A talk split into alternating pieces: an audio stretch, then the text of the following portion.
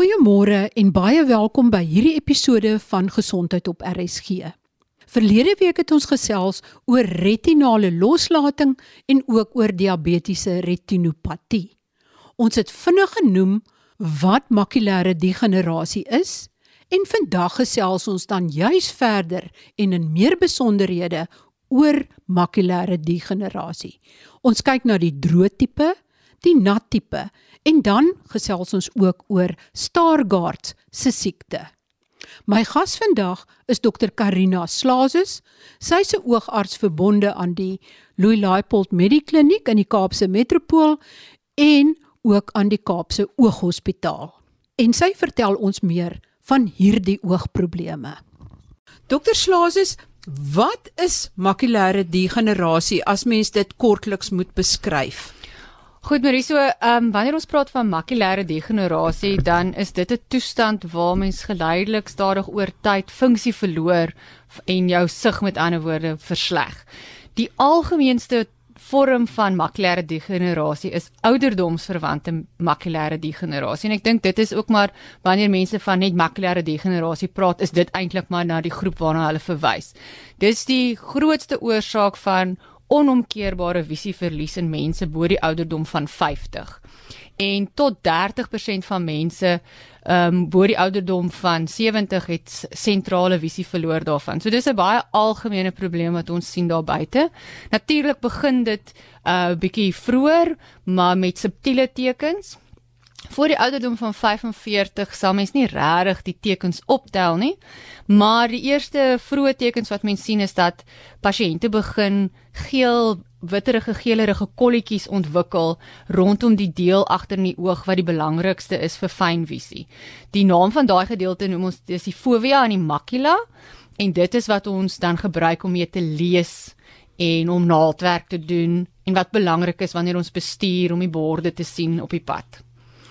So is die makula deel van die retina. Ja, so as ons mens na na die oog kyk, die retina is die agterste gedeelte in die oog, dis soos die film van 'n kamera. Dit is wat die lig opvang en dan die sein na die brein toe stuur en dan die makula is die gespesialiseerde gedeelte wat belangrik is vir fynvisie. Mense het jou hele retina nodig want as jy nou jou perifere veld nodig het om te sien as daar nou uh, byvoorbeeld as jy bestuur dat daar iemand in jou blinde kol inkom en jy dan kan jy 'n bietjie beweging aan daai kant wel sien, maar jy gaan nie duidelike fynvisie hê met daai gedeelte van die retina nie. Die sentrale gedeelte is wat belangrik is vir lees en skryf en detail.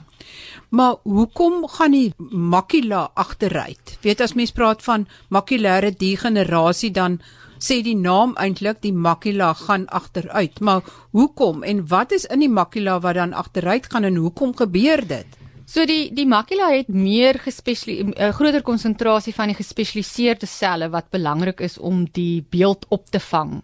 En um, hierdie selletjies is hoogs metabolies aktief Jy kan uh van hierdie wit neerleggingkies kry in die in die periferie van die retina, maar die sentrale gedeelte is maar hoofsaaklik waar dit die mees algemeenste voorkom. So die vroeë tipe ons eers die eerste tekens wat mense sou sien is hierdie wit kolletjies of ons noem dit drusen. Dis maar neerleggings basies van die afvalprodukte soos die selle nie meer die afvalprodukte kan verwerk nie, dan bou dit op en dit word daar neergelê en dit verswak dan die selle ook oor tyd en daai selletjies wat dan nou doodgaan, uh, is dan kolle waar die visie nie meer opgevang word nie. En dit is dan kolle in jou visie wat weg is. En dit is wat die meeste men 90% van mense het hierdie tipe en ons en dis die droë tipe ouderdomsverwante makulêre degenerasie. 10% van mense kan ook wat ons noem die nat tipe ontwikkel. Nou dis wanneer hierdie die integriteit van 'n membraantjie agter in die oog wat wat gereguleer word deur die selle en help om alles mooi en struktureel bymekaar te hou. Basies 'n krakie ontwikkel en dan deur die krakie groei daar dan abnormale bloedvaatjies en die abnormale bloedvaatjies kan dan lek of hulle kan bloei en dit veroorsaak dan 'n skielike afname in visie. So die pasiënte sal klaar dat hulle skielike donker kol gesien sien nou in hulle visie wat nie van tevore daar was nie of hulle het skielik agtergekom die blindings is nie meer reguit nie, hulle is gekartel of die wit streep of die op die pad is nie meer reguit nie. Hy het nou hy's nou so gekronkel. En dit is 'n 'n teken dat daar nou vog of bloeding agter in die oog is. Nou vir die droë tipe makulêre degenerasie is daar ongelukkig nie behandeling beskikbaar nie. Daar is tans studies uh waarmee hulle besig is om te kyk is daar aanvullings, daar is vitamiene beskikbaar wat hulle dan poog om te keer dat hierdie vererger, maar die die studies is nog nie onomwonde dat dit wel absolute verskil maak nie, maar as jy 'n vitamienaanvuller gaan neem en jy het makulêre veranderinge, dan is dit dalk nie 'n slegte plan nie. Is daar spesifieke vitamiene Ons het dan altyd geleer as jy wortels eet kan jy beter sien. Ja, dit dis gaan maar eintlik oor die die lutein aanvullings wat in hierdie spesifiek geformuleerde oogvitamiene is wat beskikbaar is by meeste apteke. So as mense uh, dit kan bekostig want daar weet dan is dit definitief 'n goeie idee om dit te gebruik. Maar soos ek sê, dit gaan nie absolute verskil maak nie. Dis nie is ook nie 'n waarborg dat dit die, dit gaan stop nie. Ongelukkig nie. Maar as jy niks doen nie, gaan niks gebeur nie. Ek wil net terugkom voordat jy aangaan die droë tipe. Met ander woorde, teen die tyd wat jy bewus is dat jy sentrale visie verloor, het jy dit dan eintlik al lankal dat dit aankom, die foutiewe metabooliese proses wat die afvalstowwe nie van die makula verwyder kan word nie kom dit al oor 'n lang tyd aan voordat jy gediagnoseer word met makulêre degenerasie en spesifieke droë makulêre degenerasie. Ja, ja, so in die in die vroeë stadiums kan jy heeltemal normale visie hê, maar reeds van hierdie wit neerleggingkies hê sonder dat dit jou visie affekteer. Maar dan oor tyd, soos daai al meer akkumuleer en die selle dan begin afsterwe, dan ontwikkel mens eers die simptome. En is dit die oogarts wat daai um, neerleggingkie sien of kan 'n oogkundige wat jou uh, oë toets kan hulle dit ook waarneem? Ja, oogkundiges kyk wel na die vindus baie keer tydens hulle ondersoeke en hulle kan ook vroeë tekens optel en dan verwys om om verder hanteer te word. Maak dit enigsins 'n verskil as jy dit vroeër diagnoseer of later diagnoseer as daar dan nie regtig iets is wat mens daaraan kan doen nie. Ja, so soos ek sê dat die vitamiene is beskikbaar en om dit vroeër te begin mag dalk help. So as jy wil kan jy dit gebruik. Maar iets wat wel absolute verskil maak in die verloop van hierdie hele siekte is om nie te rook nie. So vandag net weer eens vir almal daar buite sê dit is die grootste geskenk wat jy jouself kan gee is om op te hou rook indien jy wel rook want alle blo klein bloedvaatjies in die liggaam word daardeur aangetas maar en ook so die die selle in die oë en dit maak wel 'n verskil. Ander goed soos om seker te maak jou bloeddruk is onder beheer, jou suiker is onder beheer as jy diabetes is, cholesterol is onder beheer, genoeg oefening, genoeg groen groentes, dit gaan ook 'n verskil maak. Daar die algemene goeie gesondheidsbeginsels mag ook die verloop van die siekte beïnvloed en keer dat 'n mens uh, op die einde 'n slegter uitkoms het. En in die droë tipe is daar enigsins genetiese faktore wat 'n rol speel? as as die ouers dit het, is daar 'n groter kans dat die kinders dit kan hê. Daar is uh, dit loop ongelukkig maar in families. So as 'n mense ouers wel die ehm um, makulêre degenerasie gehad het, dan is dit aan te beveel dat mens mag gereeld laat kyk om te sien of daar vroeë veranderinge is of nie. Die droë tipe soos ek sê ongelukkig is daar nou nie altyd iets wat mens omtrent dit kan doen nie. Mens kan soos ek sê met die goeie gesondheidsbeginsels net keer dat die progressie dalk so so ehm um, vinnig is. Maar die groot gedeelte wat ons wel kan behandel deesdae is die nat tipe.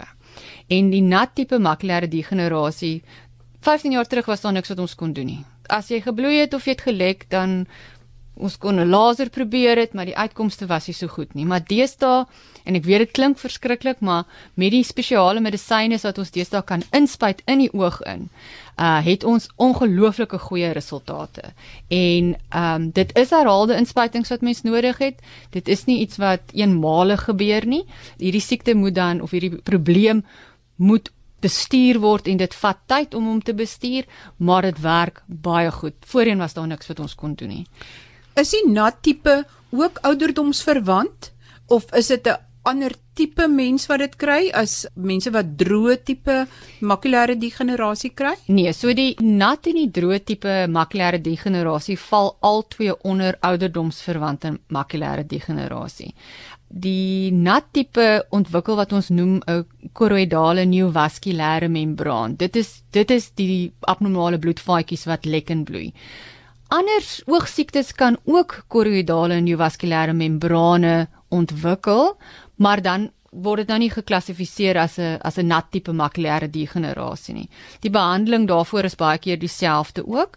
So dit kan nogal verwarrend wees, maar die inspuitings werk ook baie goed vir daai gevalle. Maak die inspuitings dat die bloedvaatjies krimp of wat maak die inspuitings? Ja, so die die inspuitings werk teen die uh faktore wat afgeskei word wat hierdie abnormale bloedvaatjies stimuleer om te groei. So dan die inspuiting blok dan daai faktore wat dan maak dat as daar nou nie 'n sein is om te groei nie, dan begin daai bloedvaatjies krimp.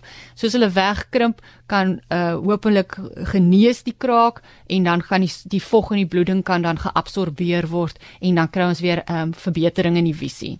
Nou die probleem is as mens ophou inspuit, dan kan daai faktore weer afgeskei word en elke slag wat die vog terugkom, uh raak dit moeiliker om die visie te kry na wat dit was voor die vog ge, uh plaasgevind of uh, want die selletjies word tog beskadig 'n bietjie deur daai swelling. En dis hoekom party mense op 'n maandelikse of 'n 6 weeklikse basis of 8 weeklikse basis aanhoudend met inspuitings kry al is hulle gestabiliseer want ons wil nie hê die vog moet terugkom nie. Party mense gaan dit weg en mense kan ophou inspuit, maar ander mense het gereelde inspuitings nodig ongelukkig. So as jy nat makulêre degenerasie het, dan sien jy skieliker die die middelvisie wat verdwyn, die donker kol in die middel. En as jy dan die inspuitings kry, kan jou visie dan weer verbeter of is dit maar net dat dit keer dat dit verder gaan? Ja, so jy's reg, die dis 'n skielike verandering in jou visie. Maar die inspuitings kan daai dowwe kolle laat krimp, hulle kan ligter word en uh, ons sien meestal vir alles ons vroeg die inspuitings kan gee dat daar 'n uh, baie goeie herstel kan wees nie noodwendig terug na 100% toe of presies wat dit was nie, maar 'n re redelike goeie verbetering. Ons is baie opgewonde en baie positief oor hierdie behandeling. So buiten dat die pasiënt dan beter sien, kan jy dit sê maar onder 'n mikroskoop sien dat daai deel van die makula dat dit regtig waar weer verbeter dat sy anatomie verbeter. Ja, so ons kyk na drie goed eintlik. Ons doen nie ons toets die visie self want dit is wat ons dis een van die parameters wat ons wil hê moet verbeter soos ons die behandeling gee. Met 'n kliniese ondersoek kan jy sien hoe lyk die area waar dit geswel is, is daar bloeding? Maar dan doen ons 'n spesiale foto wat ons noem 'n OCT. Dit is basies 'n laserfoto van die agterkant van die retina, spesifiek van die makula wat die be belangrike deel is vir die fynvisie. En dit gee dan vir ons uh, 'n uh, deursnit foto van die retina wys hoe lyk die laag en dit kan vir ons die die verdikking en die vog dan meet en dan oor tyd as mens nou 'n week of 'n maand later dit herhaal dan kan jy sien het daai vog verminder het dit meer geraak het die ehm um, die retina meer egale geword of is dit meer onreëlmatig want dit gaan 'n groter impak hê op die visie. So ons wil hê dat die visie moet verbeter en die swelling moet verminder op die OCT en dit is wat ons dan help om te monitor hoe suksesvol is ons behandeling en wat is die volgende stap. Moet ons meer gereeld inspuit of kan ons nou dalk langer wag tussen inspuitings? En is dit die onreëlmatigheid op die retina wat dan maak dat reguit lyne begin lyk of hulle golwe maak. Ja, dis korrek, want die ret, die selle agter in die retina is amper soos gepak soos wat 'n legkaart stukkie gepak is. En daai elke stukkie legkaart het in die brein 'n spesifieke area wat dit stimuleer. So jou beeld lyk soos jou legkaart, maar as daar vog was, is dit asof jy die legkaart opgetel het en hom weer laat val het daai optel vir gaan ook jou beeld vir 'n uh, bietjie distorsie veroorsaak, maar die val, die stukke kom nooit weer reg terug presies soos waar hulle was nie. En daai distorsie is dan wat die brein, hoe die prentjie dan lyk wat die brein dan sien. Ek gesels nou verder met dokter Karina Slazes, oogarts verbonde aan die Louis Laipold Hospitaal en ook aan die Kaapse Ooghospitaal. En ons kyk nou verder na makulêre degenerasie, die verskillende soorte soos in die eerste deel bespreek en ook na Stargardt se siekte. Met ander woorde, as jy nat makulêre degenerasie het te doen met ooraktiewe bloedvatvorming en dan word die ooraktiewe bloedvatvorming gestop omdat jy amper dit 'n blokkeermiddel inspuit direk in die oog.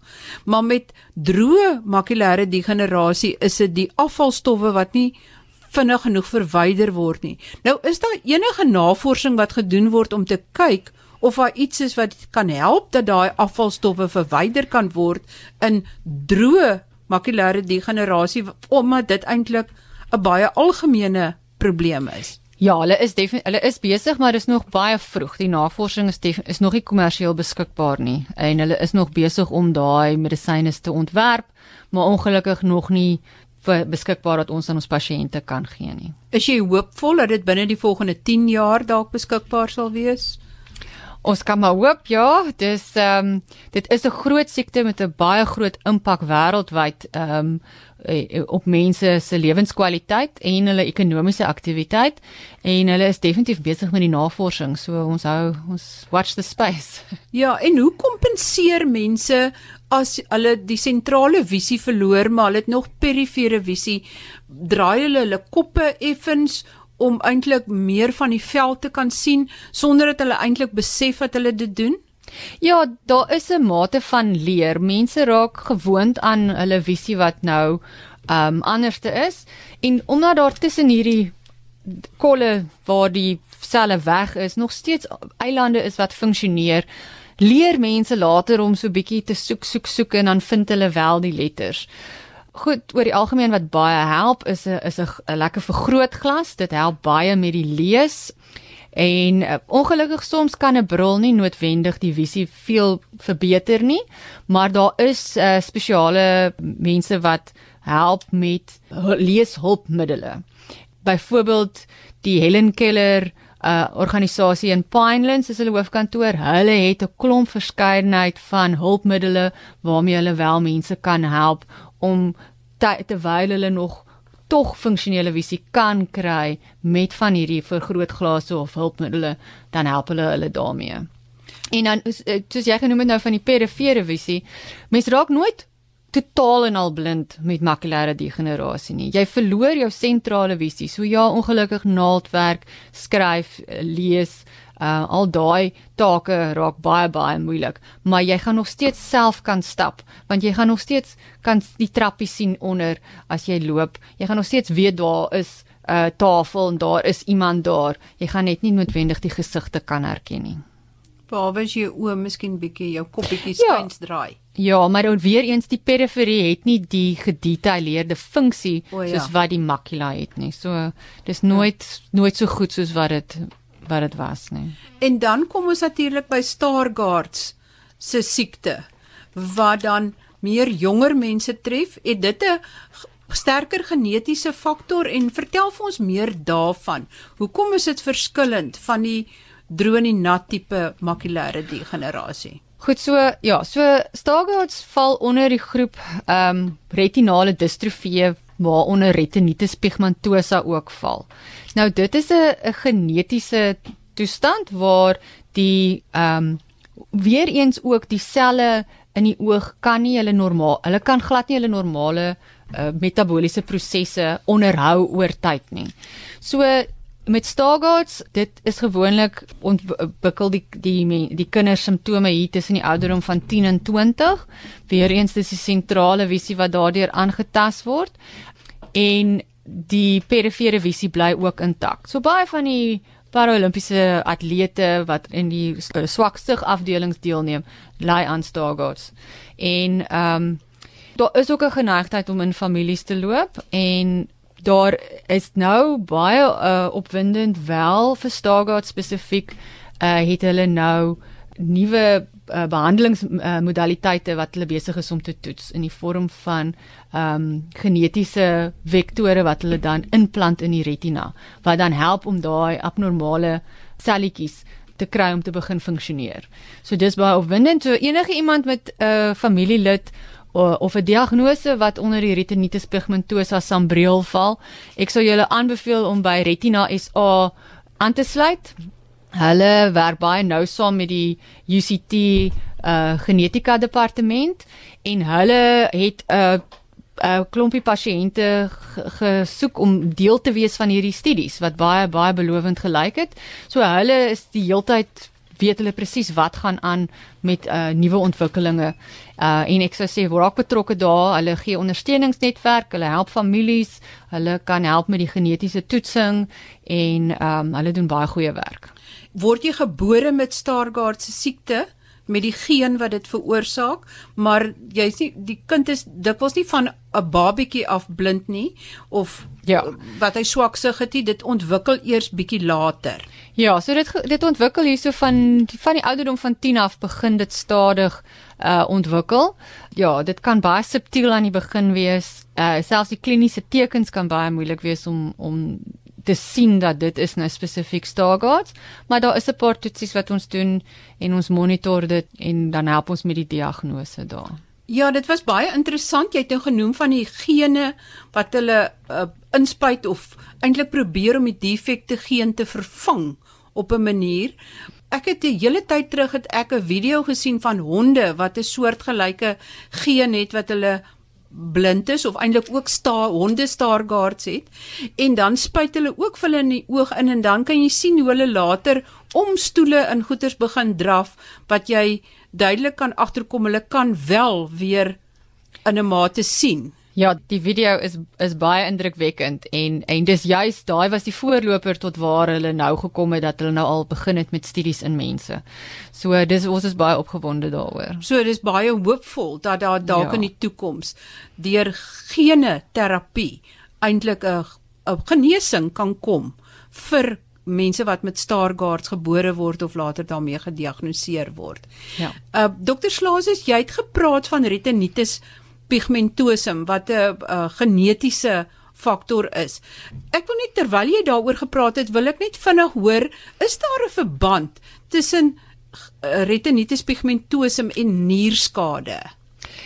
So die ehm um, niersiektes maak 'n groot faktor uit wanneer dit kom by genetiese uh, sindrome.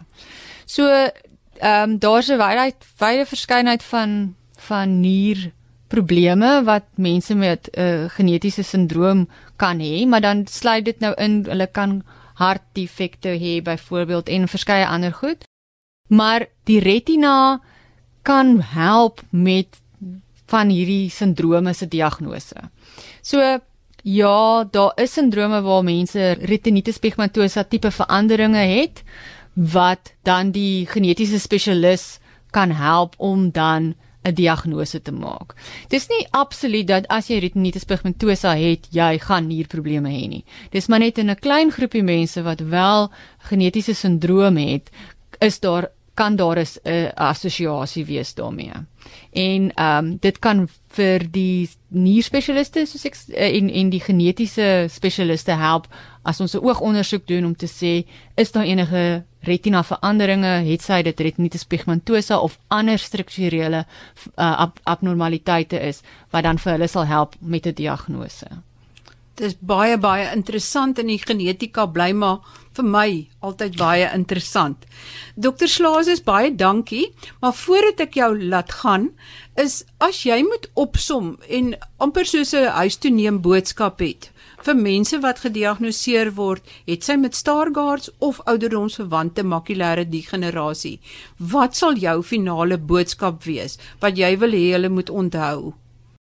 Ek dink die die initiële diagnose, veral wanneer dit kom by kinders, kan nie noodwendig altyd vir die kind nie, maar vir die ouers 'n redelike groot skok wees. En ek sou sê raak betrokke by die organisasies wat kan help met ondersteuning, want Die dokter kan jou help met die siekte en die siekteprosesse en die die komplikasies en en ander by faktore wanneer weet of daar nou 'n katarak by ontwikkel byvoorbeeld of dit dit kan die dokter mee help maar ek dink die ondersteuningsnetwerke is baie belangrik om mense te help hoe om met praktiese reëlings hoe om hulle dag tot dag take makliker en gemakliker te kan uh doen Baie baie dankie aan my gas vandag, Dr. Karina Slazes, oogartsverbonde aan die Louis Laipold Hospitaal en ook aan die Kaapse Ooghospitaal.